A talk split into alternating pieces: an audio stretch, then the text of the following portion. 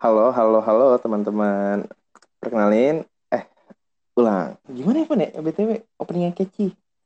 Ya udah, Welcome to Nothing ya udah, yuk langsung opening aja kita masukin ini. Yo, selamat datang semua Aduh, udah, udah masuk, oke. di podcast Gak ada anjing. Nothing, Yoi. Nothing yang namanya ya Nothing, Nothing aja gitu. Nah, Nothing. Coba boleh, boleh, boleh kenalan dulu kali kenalin. Oke, oke mungkin sebelumnya jelasin dulu ya. Nothing tuh eh gabungan nama nih dari gue sama rekan gue ini. Jadi teman gue ini namanya Devon Fikri Ardenala. Devonnya pakai V dan Fikrinya pakai F. Nah, sedangkan nama gue Oscar. Abimanyu eh, yang biasa dipanggil Genting. Nah, Nothing itu kepanjangan eh, akronim lah dari Ardenala dan Genting. Betul. Nah, mungkin untuk basa-basi karena podcast itu harus mungkin harus basa-basi. Oh, mungkin gue sebenarnya mau ngejelasin dulu aja ya. Kenapa sih kita eh tujuan nih dari episode yang kita berdua lagi ngomongin ini apa? Nah, jadi pertama nih eh, ini adalah pilot episode dari Nothing Podcast yang eh, mungkin semacam disclaimer juga dikit nih buat pendengar-pendengar. Ya kalau podcast ini tuh sebenarnya dibuat nih untuk media gue dan Devon melampiaskan keresahan lah tentang suatu isu atau ya mungkin jadi tempat gue berdua untuk berdiskusi dan nantinya bisa kalian dengar. Mungkin anggap aja, tapi eh, disclaimer lagi, gue sama Devon mungkin nggak akan punya expertise yang terlalu dalam nih soal topik-topik yang akan kita bahas, baik dari episode ini atau mungkin selanjut-selanjutnya. Nah, mungkin anggap aja lah ini kayak kalian lagi nongkrong di coffee shop, terus kalian lagi nugas lah di coffee shop, terus di sebelah kanan ada dua orang cowok bacot yang ngomongin isu-isu tertentu yang itu anggap aja lah kayak angin-angin lalu, tapi kan hmm, ketika kalian nggak sengaja denger dan nggak apa kan nggak sengaja denger perbincangan kedua cowok tadi, siapa tahu bisa nemuin insight menarik nih buat kalian.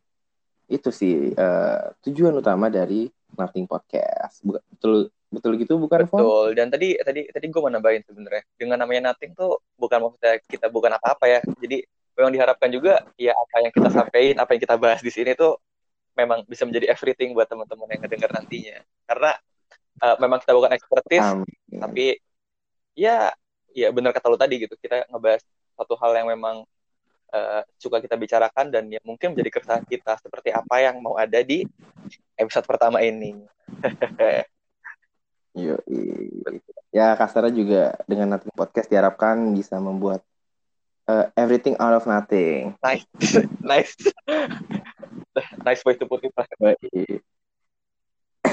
Nah, Oke, mungkin sebelumnya gue mau nanya dulu nih ke Devon.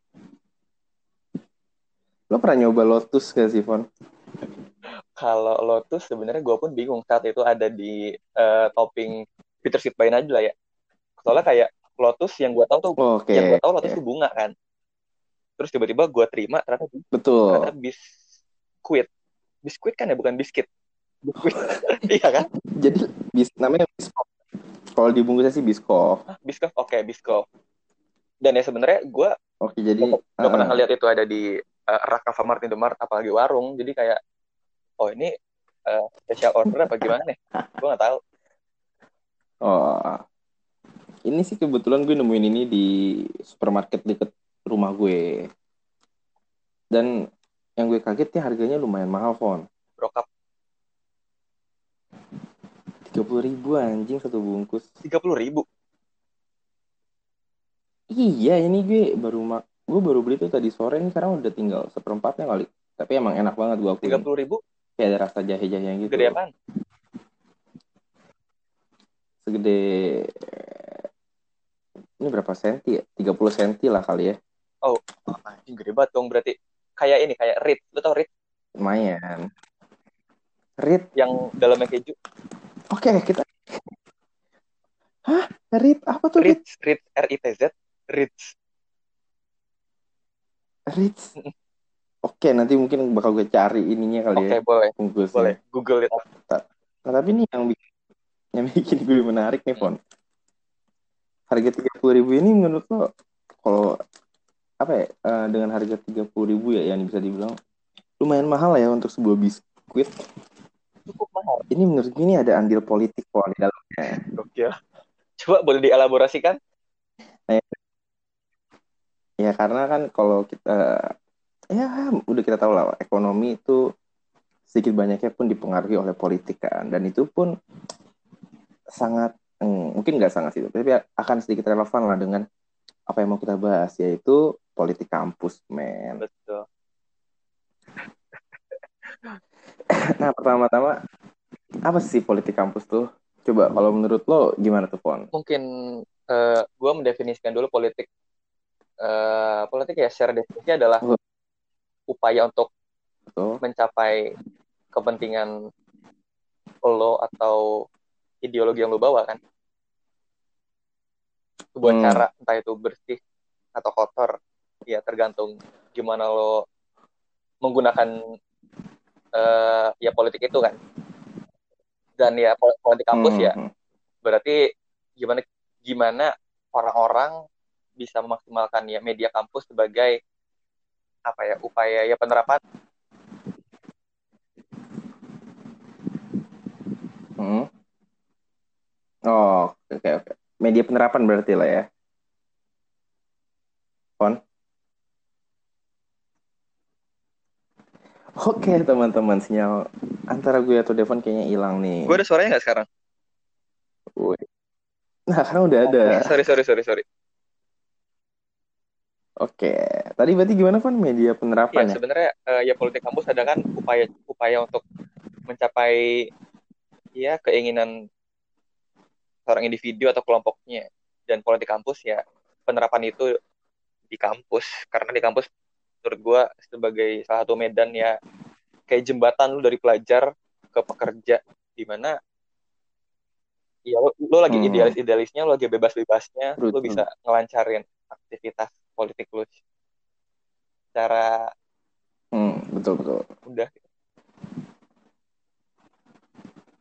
Bahkan aku pun eh, ya bisa dibilang mahasiswa pun emang apa ya? Kalau secara peran di masyarakat pun ya sebagai jembatan kan antara mungkin rakyat dengan penguasa. Kalau mungkin banyak orang yang sering ngomong Betul, gitu kan. betul, betul. Nah, karena secara secara praktiknya pun ternyata hmm, mahasiswa ini pun sering menjadi aktor politik lah bisa dibilang.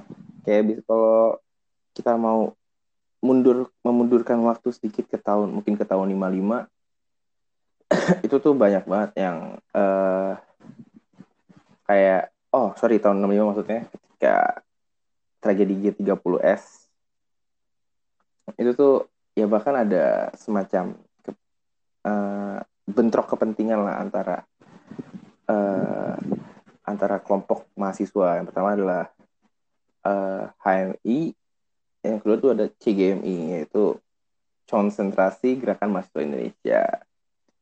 Eh, HMI sendiri pun eh, apa ya dibangun eh, punya relasi lah dengan part, dulunya partai Masyumi dan konsentrasi gerakan mahasiswa Indonesia atau bisa disingkat CGMI pun mempunyai aliansi juga tuh dengan PKI yang yang ketika itu yang mereka berseteru lah pada tahun 65 dan eh, yang menariknya juga ketika di Orde Baru zaman-zaman Pak Harto rest in peace Pak Eh, Harto rest in peace. eh rest in peace. Bahkan dulu tuh pun produksi pengetahuan semacam direpresi dengan eh, peneliti-peneliti yaitu mungkin bapak-bapak bapak dan ibu dosen dilarang lah untuk menyelidiki secara lebih misalnya eh, asal usul ke kekayaan dari keluarga Pak Harto atau bahkan tentang Oke.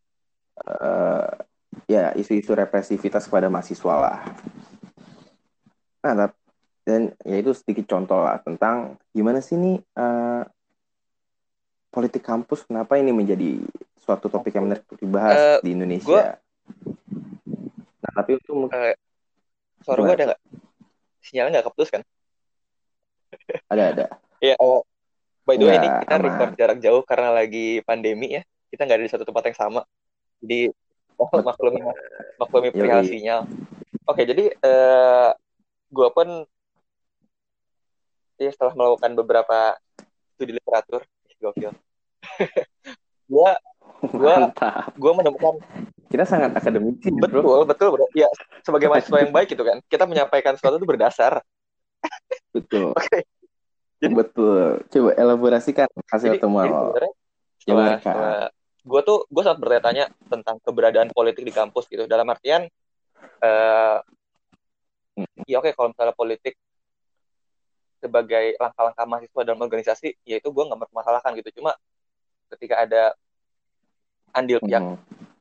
eksternal mungkin biasanya andil pihak eksternal itu gue gue sedikit sedikit bertanya-tanya maksudnya kok bisa masuk dan kenapa hmm. bisa bertahan dan bahkan merajalela gitu dan ternyata setelah gue baca hmm. iya beberapa beberapa bacaan yang gue temukan gitu memang pada awalnya uh, ada yang namanya Dema itu Dewan Mahasiswa kalau nggak salah Dewan Mahasiswa. Dan memang ini diprakarsai ya betul sama kayak yang tadi lo sebutin gitu. Ada beberapa organisasi ekstra kampus eksternal kampus yang memang mengirimkan uh, apa ya kadernya ke dalam kampus gitu dan mencoba untuk menyebarkan ideologi itu. Sampai akhirnya kalau kayak salah satu menteri hmm. pendidikan pada saat itu pada tahun 50-an namanya uh, almarhum Bapak Daud Yusuf itu beliau okay. beliau uh, meminta untuk mensterilkan segala kegiatan politik di kampus dan udah fokus fokus universitas fokus perguruan tinggi itu hanya soal akademis soal penelitian Betul. Okay. Kalau tidak salah ya yang itu Amrong ya ada namanya tuh normalisasi kegiatan kampus NKK hmm. itu. NKK. Tapi tapi memang okay. pada saat itu Apa normalisasi tuh? kegiatan kampus NKK.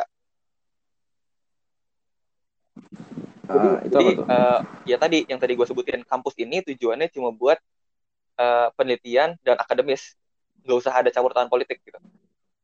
Gitu. Hmm. Tapi memang pada saat oh. kebijakan itu banyak menimbulkan uh, ya kontroversi gitu, uh, apalagi dari kelompok-kelompok yang memang okay. punya ideologi untuk diterapkan di kampus ya tadi seperti yang sebutkan. Gitu.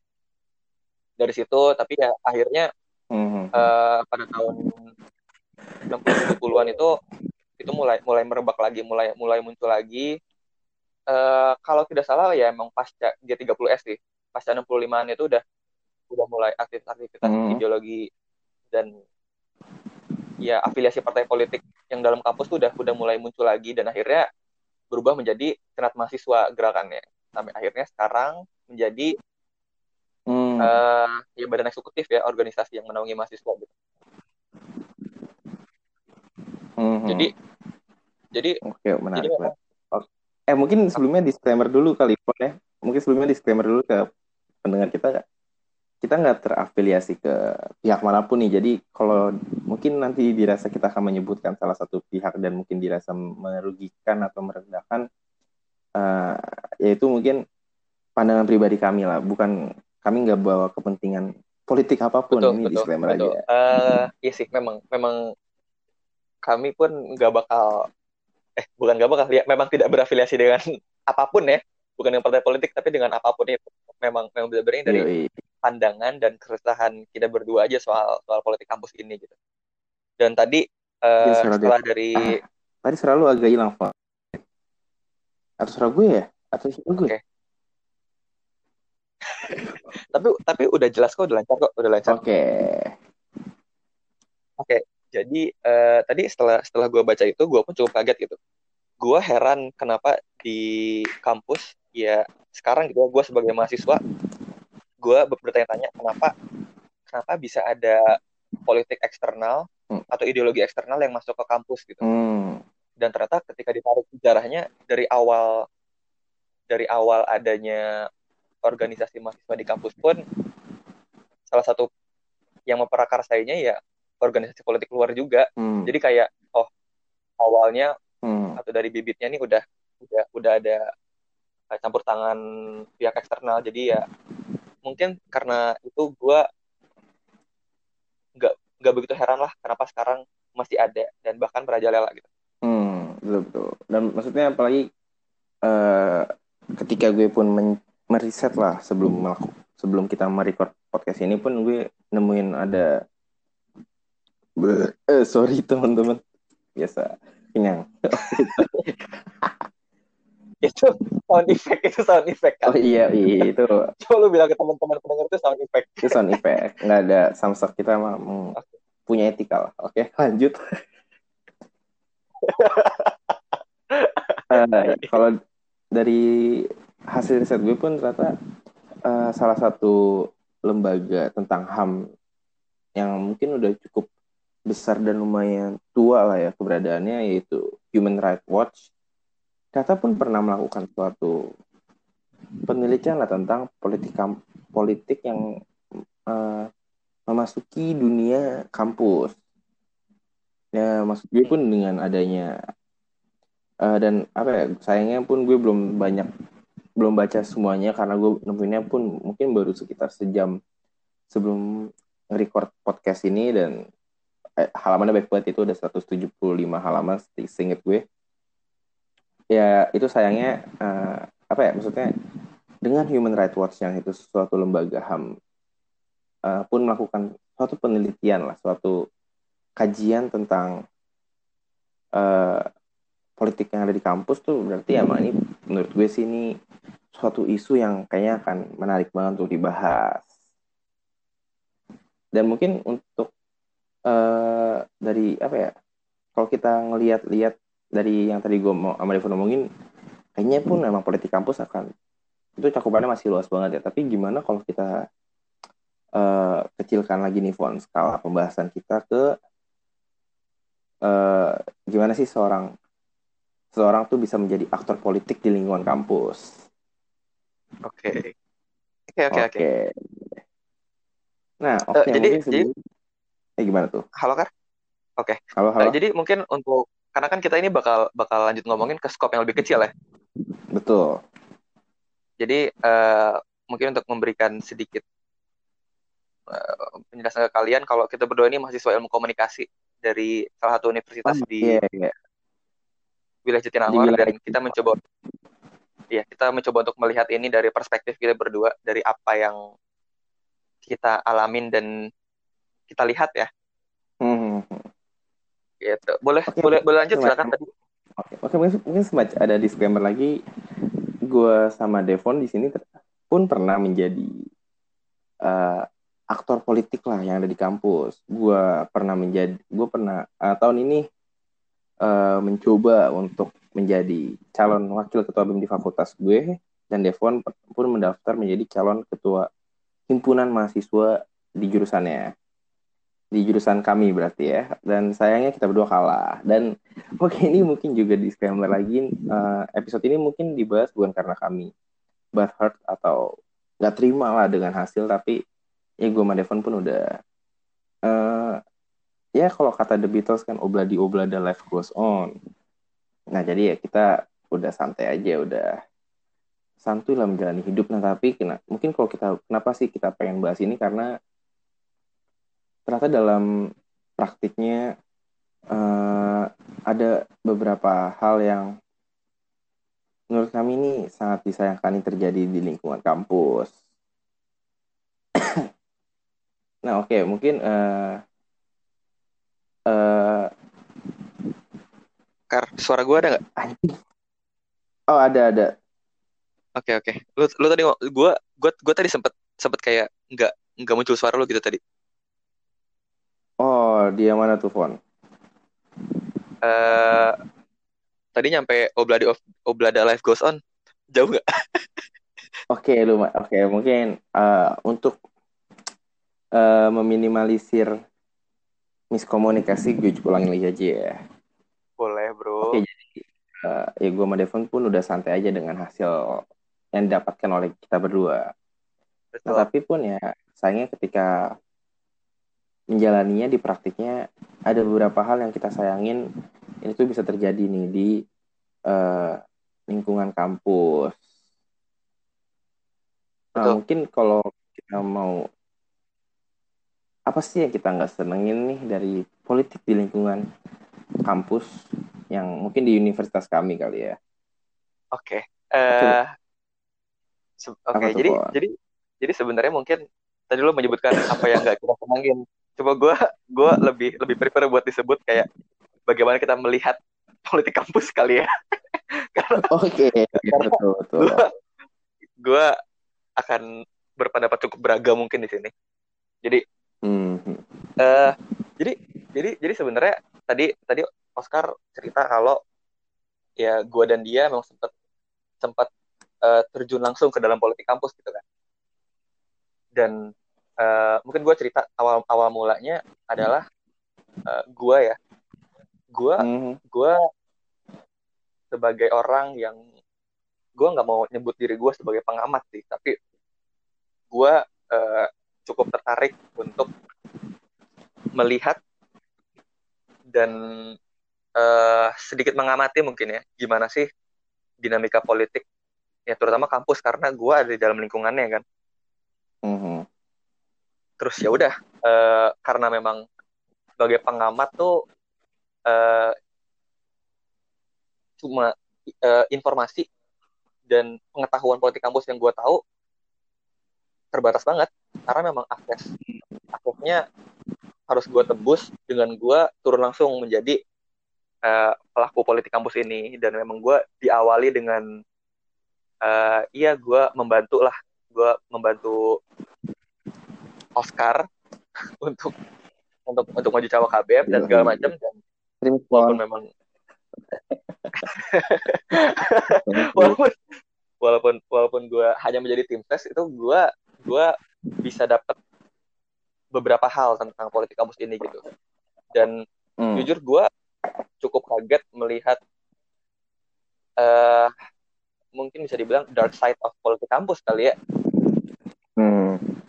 terutama di kampus eh, yang kita berdua eh, tempati ini yang ketika gue sebagai pengamat yang gue cuma ngelihat sebagai mahasiswa biasa tuh kayak di kampus ada mayam aja perasaan politik-politiknya kagak ada kagak ada eh, apa kek yang bikin panas yang Pergerakan lah ya. Pergerakan. betul betul bisa bisa dibilang bisa dibilang bisa dibilang kayak wah nggak kayak kampus-kampus lain yang yang kalau ngelakuin pergerakan tuh lo bisa jadi pembicaraan hangat di publik di masyarakat Ah, luas gitu dan ternyata setelah gua masuk menjadi pelaku politik yang awalnya sebagai tim tes eh, Oscar pada saat dia maju itu gue dapat satu dua insight soal politik kampus dan memang eh, fakta yang gue temukan tuh cukup mengejutkan gitu cukup cukup mengejutkan dan Wih. memang memang ya akses itu harus eh, bisa didapat kalau lo terjun langsung Hmm. gitu Eh, dan ya akhirnya gue gue kaget karena ya gue setuju dengan omongan orang baik kaget ngelihat politik kampus yang busuk kayak iya bener gue orang baik waktu itu. Oke. Oke Well, ini bagus ini tai banget. banget loh. Kita ya lanjut oke terus terus akhirnya ya udah. Akhirnya gue gue melihat itu dan gue mencoba memaklumi gitu. Yang kayak oh oke. Hmm. dan gue cukup kaget sama pergerakan-pergerakan dan langkah-langkah yang ada dalam politik kampus ini karena men ini cuma politik kampus gitu. Yang. True, yang lo dapetin yang lo dapetin dari sini gue nggak tahu ya. Cuma kalau misalnya dilihat dari luar gitu yang lo dapetin hanya coretan indah di CV lo dan mungkin sedikit eh, skill kepemimpinan tapi apa yang lo lakuin untuk mendapatkan itu tuh menurut gue terlalu jauh. Mhm. terlalu sikut-sikutan di Medan ya ya ya lagi-lagi politik kampus yang tidak begitu menguntungkan tapi gue nggak tahu barangkali ada yang nitipin sesuatu di saku belakang lu ah nggak tahu lah Well. ya bahkan maksudnya pun emang kita udah sering lah ya dengar kata-kata orang-orang bijak di luar sana. Ya, politik kampus ini semacam miniatur dari politik nasional, ya, politik yang beneran di Betul. yang lingkupnya mungkin udah negara mungkin. Tapi kalau kita ngeliat konteksnya mungkin Indonesia ya, politik nasional Indonesia ada apa sih? Kecuali di demo terus korupsi dan lain-lain ya? Gitu gak sih? betul. Betul. Betul. Jadi ya emang ya kalau bisa dibilang politik kampus itu miniatur dari politik nasional ya berarti emang uh, ya mungkin ketika itu gue sama Devon terlalu naif ya untuk meng, uh, membandingkan keduanya secara ekivalen gitu yang hmm. ya ternyata emang politik kampus nggak sebaik itu Uh, mungkin konteksnya kontestasi politik lah kontestasi politik ya, oh, iya, jabatan iya. kemahasiswaan hmm. yang yang itu uh, sayangnya mungkin nggak uh, terlalu ya nggak sesuai dengan nggak sesuai lah dengan ekspektasi kita untuk menemukan suatu politik yang baik Nah, mungkin nih kalau kita membahas soal kontestasi politik di kampus lah ya. Hmm? Uh, kalau gue sendiri ketika menjadi calon wakil ketua BEM di fakultas, medan gue itu bentuknya uh, pemilu. Ya mungkin kalau mau dibilang ini miniatur politik nasional, ya benar sih kalau secara sistem. Dan ternyata pun emang secara praktik dan etiknya emang mirip-mirip. Hmm. Nah, kalau lo sendiri gimana tuh, Fon, dengan medan kontestasi politik yang lo hadepin? Uh, pada saat gue mencalonkan diri menjadi calon ketua HIMA, itu hmm. Hmm, sistem pemilihannya melalui musyawarah besar.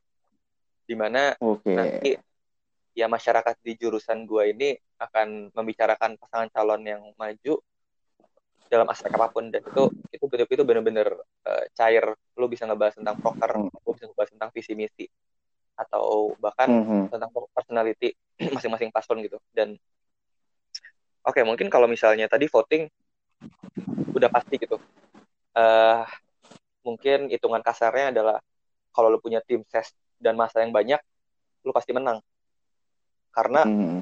Soal angka kan kalau uh, betul, betul. suara gitu dan menurut gue kalau di Mubes di Mubes ini uh, bukan maksud gue cara Mubes itu apa ya tidak lebih baik daripada voting atau ya hmm. kayak voting lebih baik daripada Mubes gitu tapi Mubes Mubes ini Mubes ini dengan tata aturan yang baik dengan sistem hmm. yang baik itu bakal berjalan dengan baik juga. Dan yang gue sayangkan adalah ketika hmm. medannya musyawarah besar, Mubes ini nih bener-bener lu nggak bisa nebak apakah dengan tim lo yang banyak lu bisa memenangkan itu atau dengan apa. Nah, menurut gue salah satu hal yang sangat disayangkan dari mm, medan musyawarah besar adalah tata aturan yang masih belum tegas dan ini di musyawarah besar yang lo jalanin nih Iya, dari yang dari yang gue alami sebenarnya uh, tata, tata aturannya ini masih belum begitu tegas lah gitu. Gimana? Hmm. Memang sebenarnya tadi yang gue bilang kan di musyawarah besar ini tuh gak ada aturan, lu nggak boleh ngomong A B C D. Jadi bener-bener apa hmm. apa yang apa yang masyarakat atau forum ya forum apa yang forum pengen sampaikan sampaikan silahkan. Tapi uh, tanpa tata aturan yang baik gue tekan lagi tanpa tata aturan yang baik tuh jadi uh, acak-acakan jadi kacau gitu tata tata aturan di sini ya dari pelaksanaan mubes dan beberapa rangkaian sebelumnya menurut gue hmm. berarti menurut lo uh, ketika seseorang berpendapat di musyawarah besar nih harus ada pembatasannya yang berupa aturan-aturan menurut gue gitu. Dan uh, kalau musyawarah besar Tapi kan ada apa? Eh, nggak uh, tahu cuman kalau setahu kan musyawarah besar pun emang katanya menjunjung tinggi konsep demokrasi kan. Betul.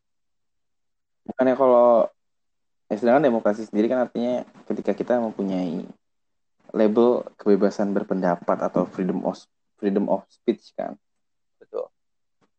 Itu kalau dengan adanya aturan itu bukannya akan semacam menekan gitu Fon sebenarnya kalau uh, aturan di sini, hmm, gue memandangnya, gue memandangnya okay. adalah baga bagaimana forum ini bisa sama-sama mikirin, bisa hmm. sama-sama melihat objektif dari musyawarah besar ini. Hmm. Hmm. Di mana oke, okay, apa yang baik untuk uh, jurusan kita hmm. bukan apa yang baik untuk yang lo dukung gitu. Hmm. Jadi uh, ini sedikit cerita lagi. Uh, gue pun cukup cukup aneh dengan adanya sistem tim tes dalam medan mubes karena uh, hmm. kalau ada tim tes di medan mubes menurut gue suara udah bakal kepecah di awal dan ketika ada mubes. Kalau misalnya si tim tes ini nggak bisa ya oke deh gue terlalu naif buat ngomong lo harus netral gitu. Tiap orang pasti punya keberpihakan. Hmm. gue nggak menyalahkan itu kok. Tapi ketika saat lo di mubes lu nggak bisa mikir oke okay, yang mana yang baik untuk uh, prodi ini untuk hima ini ya hmm. sangat disayangkan gitu hmm kalau masalah orang subjektif benar, atau enggak sih ya, pasti subjektif lah tapi gimana caranya lo bisa nyimbangin antara objek dan objektif dan subjektif itu. Dan tadi eh, tata aturan yang gue sebutkan adalah bagaimana eh, fungsi presidium di Mubes ya sebagai orang yang memimpin gitu bisa lebih hmm. tegas juga dalam mengatur eh, jalannya forum. Karena ya walaupun memang sebebas-bebasnya berpendapat apa? Bentar, bentar. kenapa? Berarti presidiumnya berarti presidiumnya bego nih Fon enggak enggak enggak. Gue gue gak menyebutkan itu. Gue gue gak menyebutkan itu. Tapi uh, Shout Mada presidium. Oke lanjut. Mada no hard feelings ya. Mada no hard feelings. Gue gue bener-bener gue pun gak ada dalam mubesnya kan karena gue yang diomongin gitu hmm. tapi betul, betul. Uh, untuk gue pemilihan presidium dan uh, persiapan tentang presidium ini memang harus lebih di di apa ya hmm. lebih diajarkan lagi lah biar ya presidium tuh bukan cuma orang yang ngeberhentiin dan uh, ngasih tahu waktu dan segala macam tapi lebih ke ya lebih ke orang yang oke okay, mubesnya tracknya harus di sini ya tetap harus di sini ketika ada yang belok presidium itu berani untuk meluruskannya lagi. Berani dan bisa. Hmm. gitu. Jadi menurut gua setuju setuju setuju. musyawarah besar dengan tujuan mufakat itu adalah cara yang baik juga. Tapi dengan tata aturan yang baik tata aturan di sini bukan berarti uh, hanya satu dua tapi ya tadi gue bilang dari rangkaian-rangkaian sebelumnya dari uh, hmm. bagaimana objektivitas dari mubesnya itu bisa terjaga dan bagaimana presidium sebagai orang yang mengendalikan jalannya mubes ya bahasanya mungkin ya hmm. gitu bisa digunakan dengan baik gitu sih bro kalau waktu lu voting hmm. itu gimana tuh pemilu pemilu ya hmm. Hmm. ya sebenarnya sih kalau buat gue sendiri ya justru emang kalau ini menurut gue pribadi ya uh, sistem pemilihan uh, elektoral pres, uh, apa sih bahasanya ya di mana presidensial elektorat yep. oke okay. pemilihan seseorang yang seorang pemimpin dengan cara dipilih dengan semua orang itu memiliki uh, apa ya tingkat suara yang sama ya antara satu orang dengan satu, satu dengan antara satu orang dengan orang yang lain okay. yaitu satu orang satu suara menurut gue menurut gue kayaknya udah nggak relevan sih di zaman ini ya. Hmm. Oke. Okay. Uh, eh, maksudnya kalau gue ngeliatnya gini sih lebih ke kan banyak orang yang ngomong choose the lesser evil. Yep. Yep. Ya? Betul. Pilihlah yang lebih yang nggak terlalu jahat. Hmm. Ya kita lihat aja presiden kita sekarang nggak terlalu jahat tapi udah RU tapi... kita kerja lah dan lain-lain. tapi tetap gitu jahat. kan. Intinya tetap jahat. iya tapi ya Oops. ya sayangnya emang. Sorry sorry. Uh, with all due respect ya Pak Jokowi. with all due respect. yang kayak gitu sih ya. Dan apa ya kayak uh, apakah pemimpin yang dipilih itu udah pasti pemimpin yang baik? Enggak, yang sayangnya emang yang dibutuhkan pemimpin yang baik kan. Jadi kalau menurut gue sendiri sih udah nggak terlalu relevan dengan sistem pemilihan voting itu. Yang yang sayangnya gue sendiri sih mau nggak mau ngelakuin sistem pemilihan voting itu ya karena eh karena apa sih namanya bentar. Ya karena itu memang sistem yang ditetapkan oleh si panitianya panitia pemilihannya kan. Itu mau nggak mau harus gue jalanin dan dan akhirnya pun gue harus menerapkan beberapa praktik politik lah di dalamnya seperti untuk menjaring suara yang ini uh, apa ya dari sudut pandang gue sendiri sih sayangnya itu sangat bertolak belakang dengan apa yang gue percayai percayai lah kalau uh, eh bentar temen. Aduh sorry banget sorry banget sorry banget. Ini santai.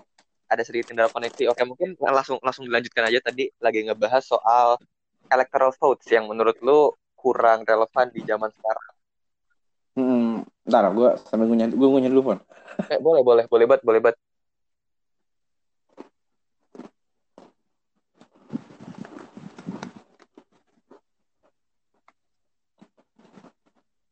Lo lagi makan apaan?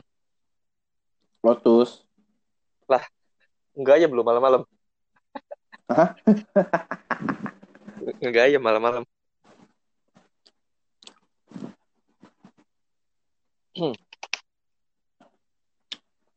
Nah oke, okay. hmm. mungkin gue emang ngomong ya sistem elektoral tuh udah nggak terlalu relevan lah ya. Hmm. hmm. apa udah nggak terlalu relevan dan ya bisa dibilang gue munafik karena gue pun menjalankan sistem itu sebagai salah satu aktornya gitu kan. Betul, betul, betul. Dan ya di dalamnya pun gue ternyata harus menerapkan beberapa praktik politik yang kalau bagi diri gue sendiri tuh kurang sejalan dengan apa yang gue percayai.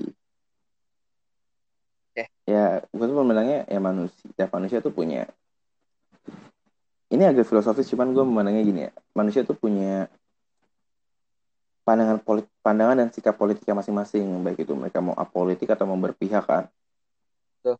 dan uh, menurut gue idealnya ya gue sebagai uh, aktor politik tuh ya cukup sebatas gue memberitahu uh, apa sih yang mau gue bawa nih untuk suatu lembaga yang uh, gue punya ambisi untuk memimpin lembaga tersebut.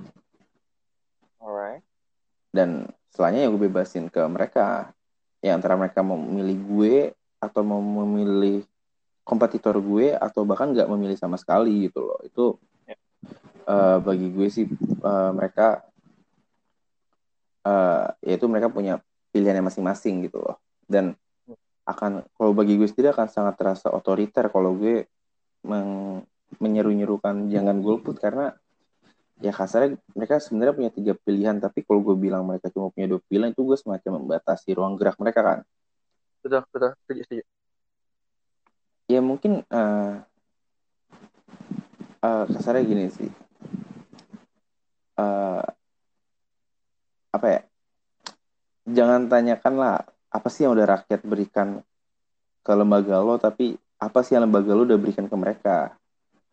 Yes itu maksudnya itu harus buru, harus ada jalan tengahnya gitu kan?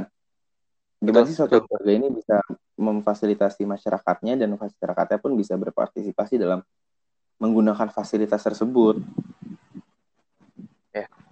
nah itu yang sayangnya emang akan sangat susah dan menurut gue akan sangat terasa apa ya naif lah sangat terasa egosentris bagi uh, petinggi-petinggi yang merasa kalau ah uh, masyarakatnya apatis. Ya, ter ya maksudnya yang baik lagi apa sih yang udah lo berikan ke masyarakat lo? Ya karena sih gue mempercayainya ya manusia kalau diberikan hal baik ya pasti akan membalas hal baik. Itu sih yang gue percayain dan ya sayangnya pun emang uh, ya mungkin itu pandangan gue tadi itu bukan sikap yang baik lah ya ketika lo mau berkontestasi dalam politik. Paling Jadi, that's my take uh, on uh, electoral vote gitu lah ya. Nah tapi ini Fon, okay. karena kita sendiri kan mempunyai uh, kritik masing-masing lah ya terhadap medan politik yang kita jalanin. Misalnya lo meng mengkritik musyawarah besar dan gue mengkritik uh, sistem voting. Nah, menurut lo nih, Fon, gimana sih nih sistem pemilihan ketua yang ideal kalau menurut lo? Kalau berbicara yang ideal, gue pribadi ya, gue pribadi uh belum terpikirkan mana yang baik. Oke. Okay. Karena ya tiap ya oke mungkin mungkin sekarang pilihan pilihannya ada dua antara musyawarah besar uh -huh. atau pemilihan eh, pemungutan suara sorry. Uh -huh. Ya ketika pemungutan suara gue setuju sama apa yang lo bilang dia musyawarah ya dengan tadi take gue di musyawarah besar lagi-lagi kalau misalnya hmm, mungkin ya mungkin ya uh mungkin untuk sekarang gue akan menyebutkan yang lebih baik adalah musyawarah besar karena di situ semua orang akan bisa berpendapat secara langsung dan okay. dia bisa memilih gitu. Mm. Lo mau uh, gimana ya? Lo tuh di musyawarah besar tuh bisa curhat. Yeah. Lo bisa ngomongin pasangan A, B, C, D. Tapi untuk mengumpulkan orang sebanyak itu di musyawarah besar itu PR besar juga. Mm. True, true. Dalam lingkup dalam lingkup IMA yang ya oke okay, katakanlah jumlah mahasiswa aktifnya itu bisa sampai 300 400. Iya. Buat nyampe 150 orang atau bahkan setengah plus satu yang datang ke musyawarah besar aja itu, itu udah PR banget apalagi kalau udah di tingkat uh, BEM gitu. Uh, yang satu yang fakultas lah ya. Betul, betul. Satu fakultas yang jurusannya emang ada banyak. Hmm. Dan uh, menurut gua orang bisa lebih jujur lewat musyawarah besar sih kan hmm. entah karena gue belum pernah ada di wilayah uh, voting ini atau gimana tapi orang tuh bisa lebih jujur di musyawarah besar karena hmm. ya di situ lo bisa ya tadi yang gue sebutin kan lo bisa bebas berpendapat lo bisa nyampein apa pun itu asal dengan tata aturan yang baik hmm, sistem yang baik lah ya sistem yang baik ya. Iya, iya. Ya. Setuju, setuju. Sistem yang baik. Kalau menurut lo gimana? Hmm, kalau musyawarah besar sih menurut gue, gue punya kritik ke musyawarah besar ya. Boleh. Pertama, uh, kemungkinan untuk seseorang, semua orang lah ya berpendapat, tuh kecil banget. Karena ya hmm. dari yang gue jalani ya selama di musyawarah besar jurusan di hima kita tuh dia ngomong ya itu itu lagi itu itu lagi oke okay. maksudnya ya bisa dibilang gue nggak pernah ngeliat yang diem atau bercuap-cuap gitu loh iya yeah, iya yeah. jadi ya kasarnya mereka cuma jadi bystander yang lihat dua orang berantem gitu okay. terus yang kedua gue ngeliatnya waste of time sih kalau gue ngeliatnya ya waste of time and energy banget karena ya untuk lo menyama menyatukan visi kepada satu pasangan hmm. di mana lo mungkin ya harus mampu me, meyakinkan for, forum yang ada di situ kan hmm. itu tuh bakal lama banget dan buang-buang waktu banget sih kalau menurut gue karena itulah menurut gue sih sistem pemilihan ketua yang baik tuh dengan cara uh, ini mungkin nggak akan terlalu tentang apa ya nggak akan terlalu demokratis sih menurut gue. Tapi ini menurut gue emang salah satu yang ideal yaitu ketika misalnya pasangan eh, pasangan-pasangan calon ini tuh ya mereka dipilihnya berdasarkan nilai yang ditetapkan oleh stakeholder-stakeholder dari lembaga tersebut. Oke. Okay. Ya misalnya, hmm, ada lima orang lah yaitu mungkin alu alumni atau ketua petahananya dan lain-lain yang nantinya ya mereka bakal menilai menilai oke okay lah uh, mungkin nggak akan objektif tapi mereka akan menilai sebaik mungkin karena mereka punya pengalaman yang mumpuni lah untuk menilai calon-calon pemimpin ini. Oke. Jadi ya bisa dibilang itu bisa benar-benar apa ya? Kalau buat gue sendiri sih itu itu bakal ngeluarin hasil berupa pemimpin yang terbaik kalau menurut gue. Ya ya karena karena dari dari penjelasan lo tadi memang memang mungkin gue sedikit setuju gitu ya. Kenapa harus stakeholders yang menilai dan memilih hmm. walaupun memang kemungkinan subjektifnya itu besar banget betul dan betul. kita nggak tahu ada permainan apa di belakang kan? Yoi. itu Tapi worst case-nya lah. Dan eh, ketika yang milih stakeholders ya si, si stakeholders ini tuh tahu medan sebenarnya gimana pada saat menjadi eh, ketua dan ya dia bisa menilai eh, pasangan calon mana yang sekiranya memang lebih capable gitu dari apa yang dia, mereka bawakan kan? Mhm. betul betul betul. Gue setuju gue setuju. Itu sih yang menurut gue hmm, sistem pemilihan ketua yang terbaik ya dibandingkan dengan dua sistem yang tadi kita bicarain. Ya. ya bahkan gue kalau kepikiran eh, bahkan kalau bisa pun monarki aja gitu loh biar kita nggak usah milih. Kayak, kita menurun-nurun aja ya. Nunggu ada yang ngeberontak aja tuh biar ada kekacauan dalam monarki itu Nah, mungkin kalau kita dari itu kita bahas sistem yang ideal untuk memilih pemimpin sistem yang ideal gimana. Tapi kalau menurut paling pengen ini nih lagi deh, Fon. Menanyakan satu hal. Menurut tuh pemimpin yang ideal tuh yang gimana, Fon? gue tuh selalu percaya akan ini pemimpin dalam setiap aspek ya Hmm. sesimpel dia bisa bertanggung jawab dia punya skill manajemen yang baik Hmm. kalau soal kemampuan Setuju, setuju. kalau soal kemampuan soal eh enggak sorry sorry kalau soal kemampuan akan suatu bidang Hmm. itu bisa dikerjain sama orang-orang di bawahnya Hmm. tapi yang dicari adalah bagaimana dia bisa berkomitmen bertanggung jawab dan memang megang amanah sebagai pemimpin itu dengan baik gimana caranya ya tadi yang gue sebutkan kan skill manajerial yang baik lah gitu Hmm. jadi Setuju. eh soal apa ya? Ya kalau soal keahlian di, di, bidang, di bidang tertentu mungkin memang sedikit diperlukan tapi ketika dia menjadi ketua dia tuh hanya perlu bertanggung jawab dan memastikan kalau semua rencana yang di apa rencanakan di awal tuh memang bisa berjalan dengan baik. Karena soal keahlian dan segala macam itu itu bisa dikerjain sama bawahan lo gitu Hmm. kasarnya ya. Gue setuju banget karena apa ya gue tuh eh, mungkin ini konteksnya bukan politik ya tapi gue pengen coba ngebahas ini ke sepak bola nih. Asik. Boleh. ya karena emang kalau buat gue sendiri sih pemimpin yang baik itu ya pemimpin yang bisa mencapai goalsnya kan, mencapai tujuannya. Ya. Bisa menghasilkan kesuksesan lah buat sesuatu yang dia pimpin. Nah ini gue mungkin mau ngasih contoh kayak misalnya Sir Alex Ferguson deh dari MU. Oke.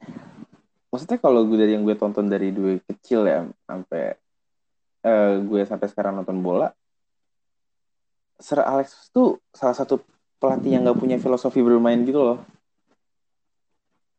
oke Nah. bagaimana tuh Karena gaya permainan dia tuh beru- berubah-ubah karena eh, dia itu ngikutin asisten manajernya, ngikutin Oh, oke. asistennya, asistennya ganti, ya udah gaya permainannya ganti.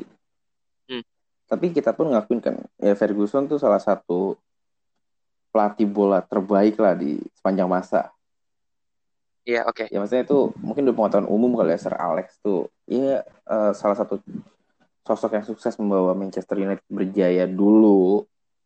Iya. Nah, Iya. eh, itu yang masih eh, itu salah satu contoh. Gue setuju. Kenapa gue setuju dengan pendapat lo? Karena itu gimana sih dia mampu memotivasi pemainnya dan mampu memoti mampu memanage pemainnya agar mampu tertib dan disiplin lah untuk menjalankan tugas-tugasnya masing-masing demi mencapai hal yang tuju yaitu menang gitu kan. Dan eh, emang itu pun yang gue percaya pun itu sebenarnya bisa aja diterapin di konteks eh, organisasi gitu. Ya, eh, yang kalau apa ya, gue nggak tahu kenapa tapi dari sistem politik yang ada di eh, nasional eh, dan mungkin mem- akhirnya turun ke kampus, gue nggak tahu kenapa tapi gue selalu ngeliat semua ketua tuh punya image yang sama gitu loh, Fon. Eh, gimana tuh? kayak brand, muka mereka tuh sama semua kalau buat gue ya Hmm. Kayak ya mereka tuh harus yang tegas disiplin, uh, diplomatis ketika berbicara. Yeah. Yang ya kalau menurut gue sendiri sih itu uh, apa ya kayak gue nggak pernah belum nggak pernah atau mungkin belum ngeliat aja kali ya gimana sih seorang pemimpin tuh bisa menjadi sosok yang berbeda gitu dari stereotip pemimpin yang udah ada dari dari dulu dulu sampai sekarang yang kalau gue ngeliat sih gitu sih sosok. Ya mungkin uh, apa ya kalau bisa dibilang nih pemimpin itu tuh kayak adonan yang calon-calon pemimpin itu di, kayak adonan yang dimasukin ke dalam sebuah cetakan es. Hmm? di terus dipanggang aja gitu. Terus akhirnya nah, ya bentuknya okay. sama semua gitu loh. Oke oke oke. Analogi kayak, yang baik kayak gue ngatanya gitu yang uh, ya bisa dibilang jadinya mem agak membosankan gitu loh dengan perpolitikan ya tapi tapi hmm? ketika gue sebenarnya oke okay, kita kita ambil contoh ketika uh, Jokowi naik gitu ya mm-hmm. sorry sorry bukan Jokowi naik ketika Jokowi mulai mencuat namanya gitu oke okay. Dan dia muncul sebagai orang dari kalangan bawah yang suka apa bahasanya dulu? Kalau dia masuk ke gorong-gorong gitu apa? Belusukan belusukan. nggak belusukan dan segala macam. Dan itu malah malah malah malah malah menimbulkan itu kan malah menimbulkan orang bertanya-tanya gitu. Hmm. kok pemimpin gini? Ya ada yang nanya kok pemimpin gini? Ada yang memuji nah pemimpin itu harusnya gini merakyat bukan yang sekaku itu. Hmm. mungkin orang-orang juga udah udah terlalu uh, terpaku dengan sosok pemimpin yang ya itu menjaga image yang baik. Ya uh, bisa di, kita bilang secara kasar kaku lah ya mungkin. Oh iya betul betul betul. Nah menurut gue tuh salah satu contoh pemimpin yang uh, apa ya di dalam konteks politik salah satu contoh pemimpin yang menurut gue orang yang asik gitu lah ya nggak kaku-kaku banget Ridwan Kamil sih. Setuju setuju. Gue setuju gue setuju itu. Ya begitu dia salah satu orang yang uh, gue sayangnya gue bukan warga Jawa Barat ya. Hmm? jadi gue nggak tahu kebijakan politik apa yang dia buat. Tapi kalau secara pribadi gue suka banget sama dia secara kepribadiannya ya. Betul dan Ridwan Kamil uh, pun akhirnya kan emang kalau buat gue sendiri sih banyak banget pemimpin yang mencoba untuk uh, menjadikan dirinya Ridwan Kamil di di kepemimpinannya masing-masing. Tapi jatuhnya cringe kalau menurut gue. Jadinya kayak oke okay, boomer gitu loh. Iya, iya, iya, iya. Uh, apa yang apa yang gue suka dari Ridwan Kamil ya, dia nggak hmm. terlihat trying so hard buat fit in di generasi milenial sekarang gitu. Hmm, Karena true, mungkin true, memang true. kepribadian, mungkin mungkin memang kepribadian dia sebenarnya seperti itu. Hmm. Dia memang uh, apa ya? Mungkin bahasanya easy going atau hmm. lebih bisa beradaptasi dengan anak muda dan memang walaupun dia kelihatan up to, up to date dan segala macam tapi ciri khas kebapak-bapakannya tuh masih kelihatan aja gitu dan itu yang membuat dia unik menurut gue setuju, dan setuju, yang setuju. Gua, gua setuju sih seba, uh, sebagai sosok ya sebagai sosok pemimpin yang uh, asik dilihat gitu dan tidak kaku gue setuju sih itu Ridwan Kamil eh, hmm. ini kita jadi kayak ini ya jadi kayak fanbase Ridwan Kamil tapi enggak kok cuma cuma cuma ambil contoh aja nah tapi kalau gue tadi bahas soal itu kan uh,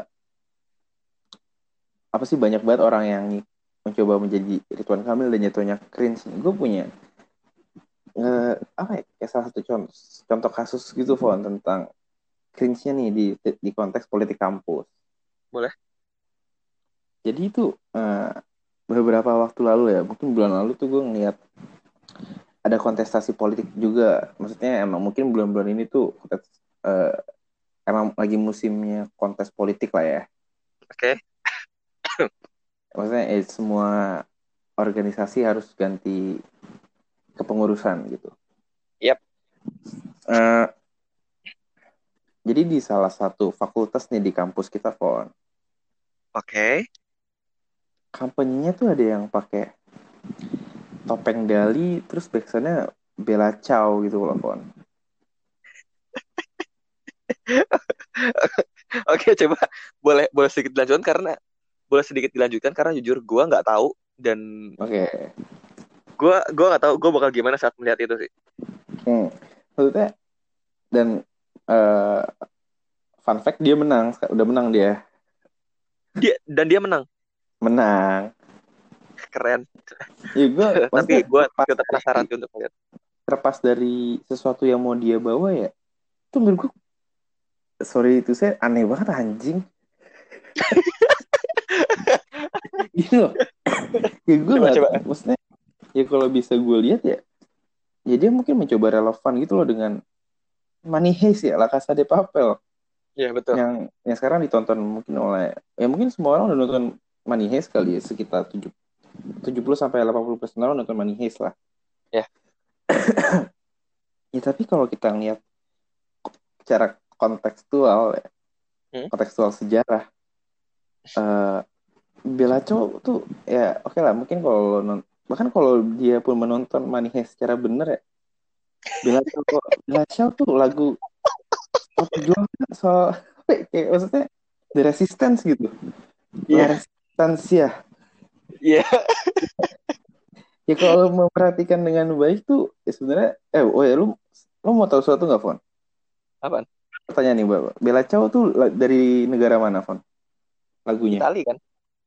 anjing kok lu tahu Itali tahu gue karena karena tadi kan kan kan gua gua nonton Money Heist kan sampai season Hmm. 3 sekarang. Dan Hmm. memang gua ketika nonton Money Heist hype-nya cukup dapat di gua dan eh gue jadi sedikit ya nyari-nyari lah gitu. Hmm. dan ya- Betul, gua pun tadi baru nggak gitu. Belasnya dari Itali dan soal pemberontak bukan pemberontakan. Iya tadi resistance kan Hmm. atas atas penguasa. betul karena ya secara ya Bella Ciao sendiri pun dinyanyiin oleh tentara yang anti fasis gitu loh melawan fasisme Ah, oke. itu dipakai ya maksudnya kalaupun secara kalau kita mau terjemahin ya ke bahasa Inggris Hmm. Ciao tuh artinya goodbye beautiful Ah, I see. Oke. ya itu tuh kayak eh, ya bahkan emang konteksnya tuh Bella Ciao tuh suatu lagu yang dinyanyiin untuk suatu perpisahan Hmm. ya kayak kayak lo di tentara nih nyanyi Bella Ciao tuh artinya dia udah siap mati untuk perang Oke.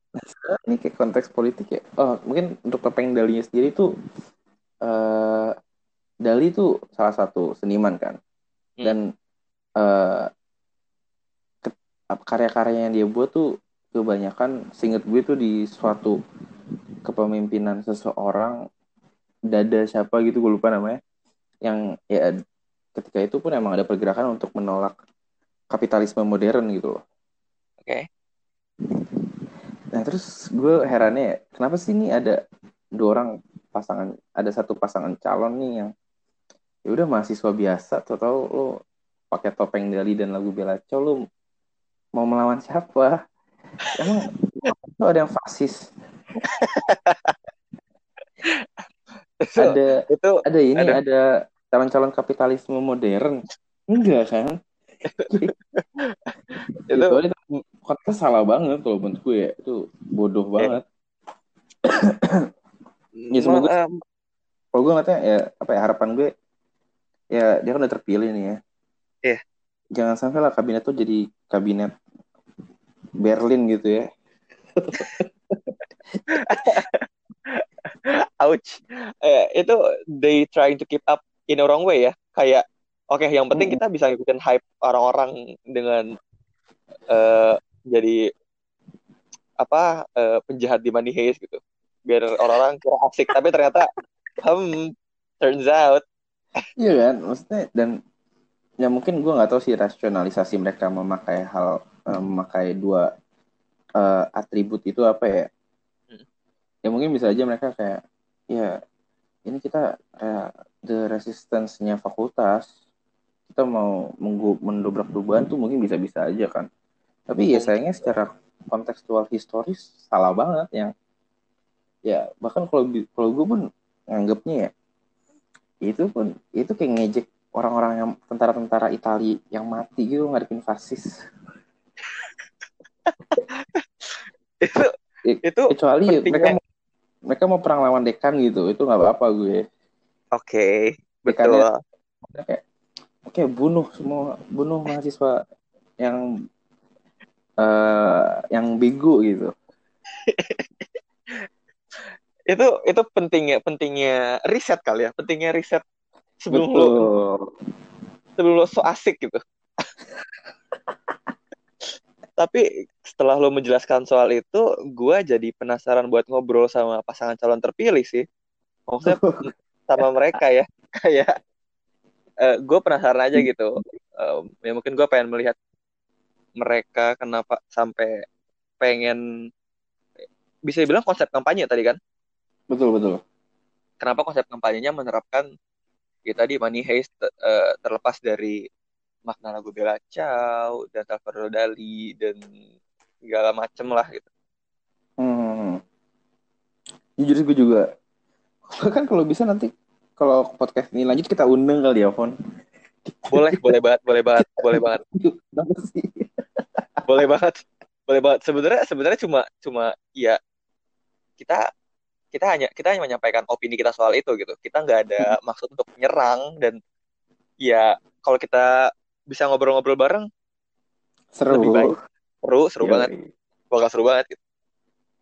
Ya, mungkin ini kayak oke okay, undangan terbuka nih untuk uh, mungkin untuk seseorang yang merasa kita dengan tangan terbuka ayo uh, mungkin berdialog lah dengan kita betul betul Yoi.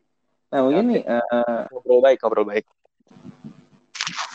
Kalau lo sendiri itu kira-kira ada nggak pun uh, menurut lo uh, politik kam ini sesuatu yang mungkin menurut lo agak cringe lah di politik kampus? Yang agak cringe di politik kampus ya. Uh, ini gue gue tuh baru masuk ke politik kampus. Maksudnya tadi gitu gue ketika pindah dari pengamat dan mahasiswa biasa menjadi hmm. salah satu ya gue megang peran lah di politik kampus gitu. Maupun yang sebagai tim ses atau yang mungkin pada saat naik jadi calon ketua hima waktu itu mm-hmm. hal yang gue lihat adalah yang bikin gue cringe yang bikin gue cukup jingko kayak gini? gitu. Gimana orang ya ada ada orang yang rela sikut-sikutan demi ini gitu. Kayak hmm, demi jabatan ini ya demi jabatan ini karena yang gue lihat adalah ketika lo maju politik kampus ya uh. dari sudut pandang gue adalah ya udah kayak gini deh ini tuh kidzanianya lo lah di politik oh. lo lo gak usah serius-serius amat gitu betul, betul. Uh, karena kita mahasiswa yang idealis dan penuh akan kreativitas ya udah yang diaduin uh. tuh gagasan dan ide di mana lo kesel karena anjing mereka kok kepikiran buat ngelakuin ini ya oke kita nggak kita nggak mau kalah kita harus ngelakuin sesuatu yang lebih baik daripada mereka bukan hmm. dengan bukan dengan wah mereka ngelakuin ini nih celah buat buat kita singgung buat hmm. kita sikut gitu itu yang bikin gue kayak oh, oh oke okay. uh, eh, gue baru tahu kalau politik kampus sampai segitunya gitu dan uh, menurut gue asik-asikan di sini adalah bukan berarti kita tidak mengindahkan aturan yang ada ya karena kan ya ya kayak konteksnya itu bukan bercanda kali ya bu maksudnya betul, bukan betul. kita bercanda betul tapi memang ya ya udah memang yang diadu tuh ide dan gagasan doang nggak perlu ah. sampai ngelihat telah lu coba buat menjegal lihat telah lu coba buat nyikut gitu aneh aja sih menurut gua karena lagi-lagi ini politik kampus yang gak gak profitable lah gitu. Sebenarnya sebenarnya nggak profitable. Ya mungkin ya mungkin ketika gue ada di posisi pengen naik ya gue pengen punya pengalaman yang banyak ya. Gue pengen punya pengalaman yeah, yeah. gue cari tahu gimana sih rasanya jadi ketua ya walaupun gak kepilih ya. Uh, tapi tapi tapi ya terlepas dari itu kayak sebenarnya tidak profitable. Khususnya ya apa uh, apalagi soal materi gitu ya kayak ya udah gitu pure cuma pengalaman kalau misalnya lo nggak dapet ya udah dan ya ya caranya ya sebiasa mungkin lah gitu asik Hmm. ya gue asik-asikan aja Hmm. Setuju, setuju. Maksudnya eh apa ya? Bahkan pun memang kan balik lagi kalau gue bilang politik kampus ini semacam miniatur dari dari politik nasional ya. Betul. Ya harusnya nih ketika ini menjadi miniatur, ya kita menjalankan suatu langkah-langkah politis yang lebih beradab nggak sih? betul betul yang ya bahkan pun ketika gue ya apa ya ketika gue meriset tadi ada suatu artikel yang judulnya eh, politik kampus tempat para penjahat ditempah. Wow. Waduh, udah, udah, udah, udah, berat banget bacaan yang lu baca. Tapi emang eh, ya kalau emang dari sudut pandang lu kayak yang tadi lu sebutin kayak gitu, berarti emang eh, secara nggak langsung ini emang tempat menciptakan para pejabat penjahat yang jahat kan? Betul. Ya kasarnya, kalaupun emang mereka mereka ini udah rela jahat-jahatan ya satu sama lain, ya kenapa mereka nggak langsung terjun aja gitu ke politik yang sebenarnya gitu? Yes. Nah, maksudnya ya politik kampus ini mungkin ketika baiknya ya digunakan tuh untuk eh apa namanya untuk ya ketika lo mau mencoba menerapkan praktik politik yang lebih sehat gitu. Ya. Gue setuju- apa eh, ya dari apa yang gue lihat sih mungkin dan ngerasakan ya mungkin emang gue setuju sih dengan apa yang lo bilang Pon.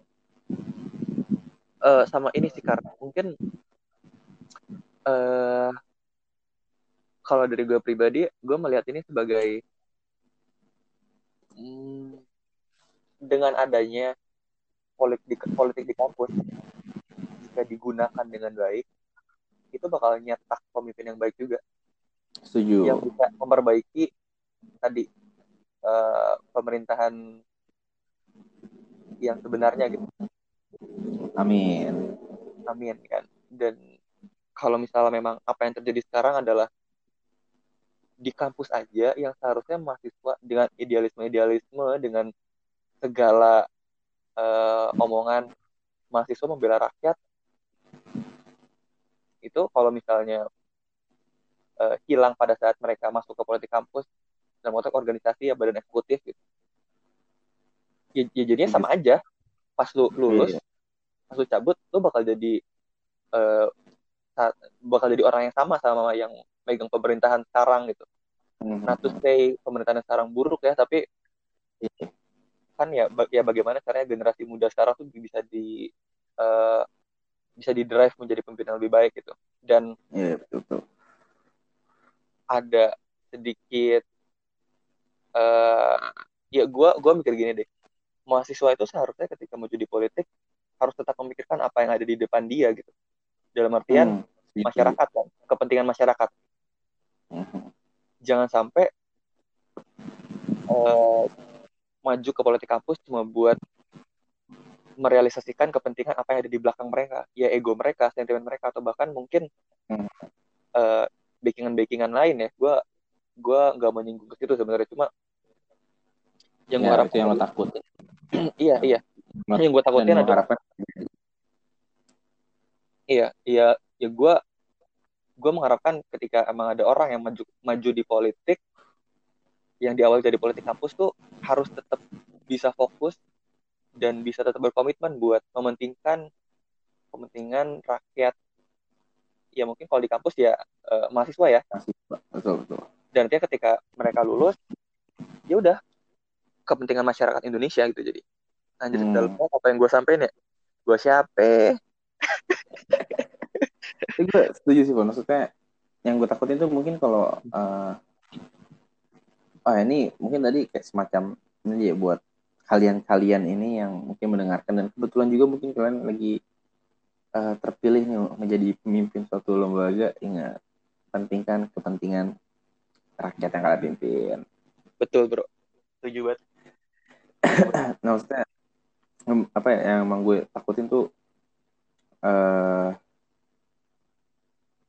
ya emang baiknya kan politik yang terjadi sehat kan. Tapi ya kalau ternyata nggak sehat tuh yang gue takutin ya bisa deh kalau kita tarik lagi ya uh, politik ini dimasuk masukin nih sama organisasi-organisasi mahasiswa eksternal ya.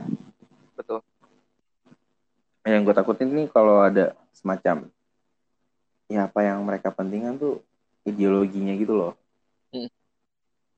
ya benar yang kata lo bukan kepentingan dari mahasiswanya. Ya mungkin kalau gue mencoba mengutip uh, salah seorang clinician psychologist idola gue yaitu Jordan B. Peterson. Yes. Yo dia pernah ngomong gini kayak ya kalau uh, oh bahkan pun dia memberikan saran gitu untuk orang yang mau tunjuk politik kata dia jangan Simplify. Tapi kalau, tapi kalau emang merasa lo berkompeten nih untuk menjadi uh, untuk turun dalam dunia politik, ya berpolitiklah dengan uh, berpolitiklah dengan menjadi seseorang yang beradab, jangan jadi budak dari ideologi lo. Iya. Ya, mungkin kalau bisa gue simplifikasikan lagi, ya artinya ya ya sebenarnya nih uh, bukan berarti gue kalau gue sendiri ya, bukan berarti gue melarang kalian untuk ikut organisasi mahasiswa eksternal gitu enggak enggak sama sekali. Tapi uh, yang gue harapin sih untuk kalian-kalian yang mungkin tertarik dan udah atau mungkin udah masuk di suatu organisasi eksternal tersebut ya jangan sampai itu mematikan diri karakter diri kalian sendiri lah. Betul yang itu sih yang gue takutin ya. Uh, jadinya mungkin karakter fakultasnya ikut mati karena pemimpinnya udah ter uh, fokusnya udah ke satu ideologi gitu kan mungkin. Betul. Betul betul. Uh, mungkin ini kali ya kar. Apa yang gue apa yang gue harapkan untuk semua teman-teman mahasiswa ya untuk semua bener-bener uh -huh. semua teman mahasiswa. Uh, jangan sampai idealisme kalian yang baik untuk masyarakat itu diberangus sama ideologi yang mau berkuasa. Setuju. ya maksudnya pun kalaupun juga kalian kata nggak disungsung oleh suatu ideologi tertentu, ya kalian juga jadilah pemimpin yang mencapai goals kalian. Jangan jangan jadi pemimpin yang uh, kemerangsang kemerungsung gitulah. kemerangsang kemerungsung apaan tadi? gue gak nemu kata-kata cuman kayak ya yeah, you get my point lah oke okay, oke okay, oke okay. ya itu oh, sih paling ah. oke okay, mungkin karena ini kayak kita juga ngobrol kayak udah lama banget nih Fon lama banget lama banget gue jujur gue gue nggak expect pembicaraannya bakal selama ini sih tapi ya mungkin itu eh, kita udah sedikit sedikit banyak mencurahkan keresahan kita soal ini kali ya kan mm -hmm betul betul. Dan uh, ya emang uh, mungkin emang kalau ngasih mau ngasih background story ke teman-teman pendengar ya emang gue sama Devon tuh uh, emang sering ngobrol-ngobrol bahkan tentang apa pun yang uh, ya kayak tadi ini kayak tau udah sejam aja kita ngobrol dan uh, hopefully obrolan-obrolan ini mungkin bisa berlanjut terus nih kayak episode selanjutnya ya Fon. Betul, betul, betul, betul. Gitu dan ya kita kita bakal ngebahas apa pun itu kita nggak bakal apa ya kayak fokus ke satu bidang aja gitu. Ya maksudnya walaupun episode pertama ini ngomongin politik bukan berarti ke depannya kita bakal kalau ngomongin hal-hal yang cukup serius gitu. Setuju setuju. Jadi ya ditunggu aja episode episode berikutnya mungkin thank you oke okay, mungkin uh, segitu dulu perbincangan dari gue sama Devon. Semoga bisa memberikan kalian informasi-informasi baru lah ya. Betul. Semoga semoga. And amin. And that's it for the pilot episode of Nothing Podcast. Ciao. Bye bye semua. Dah.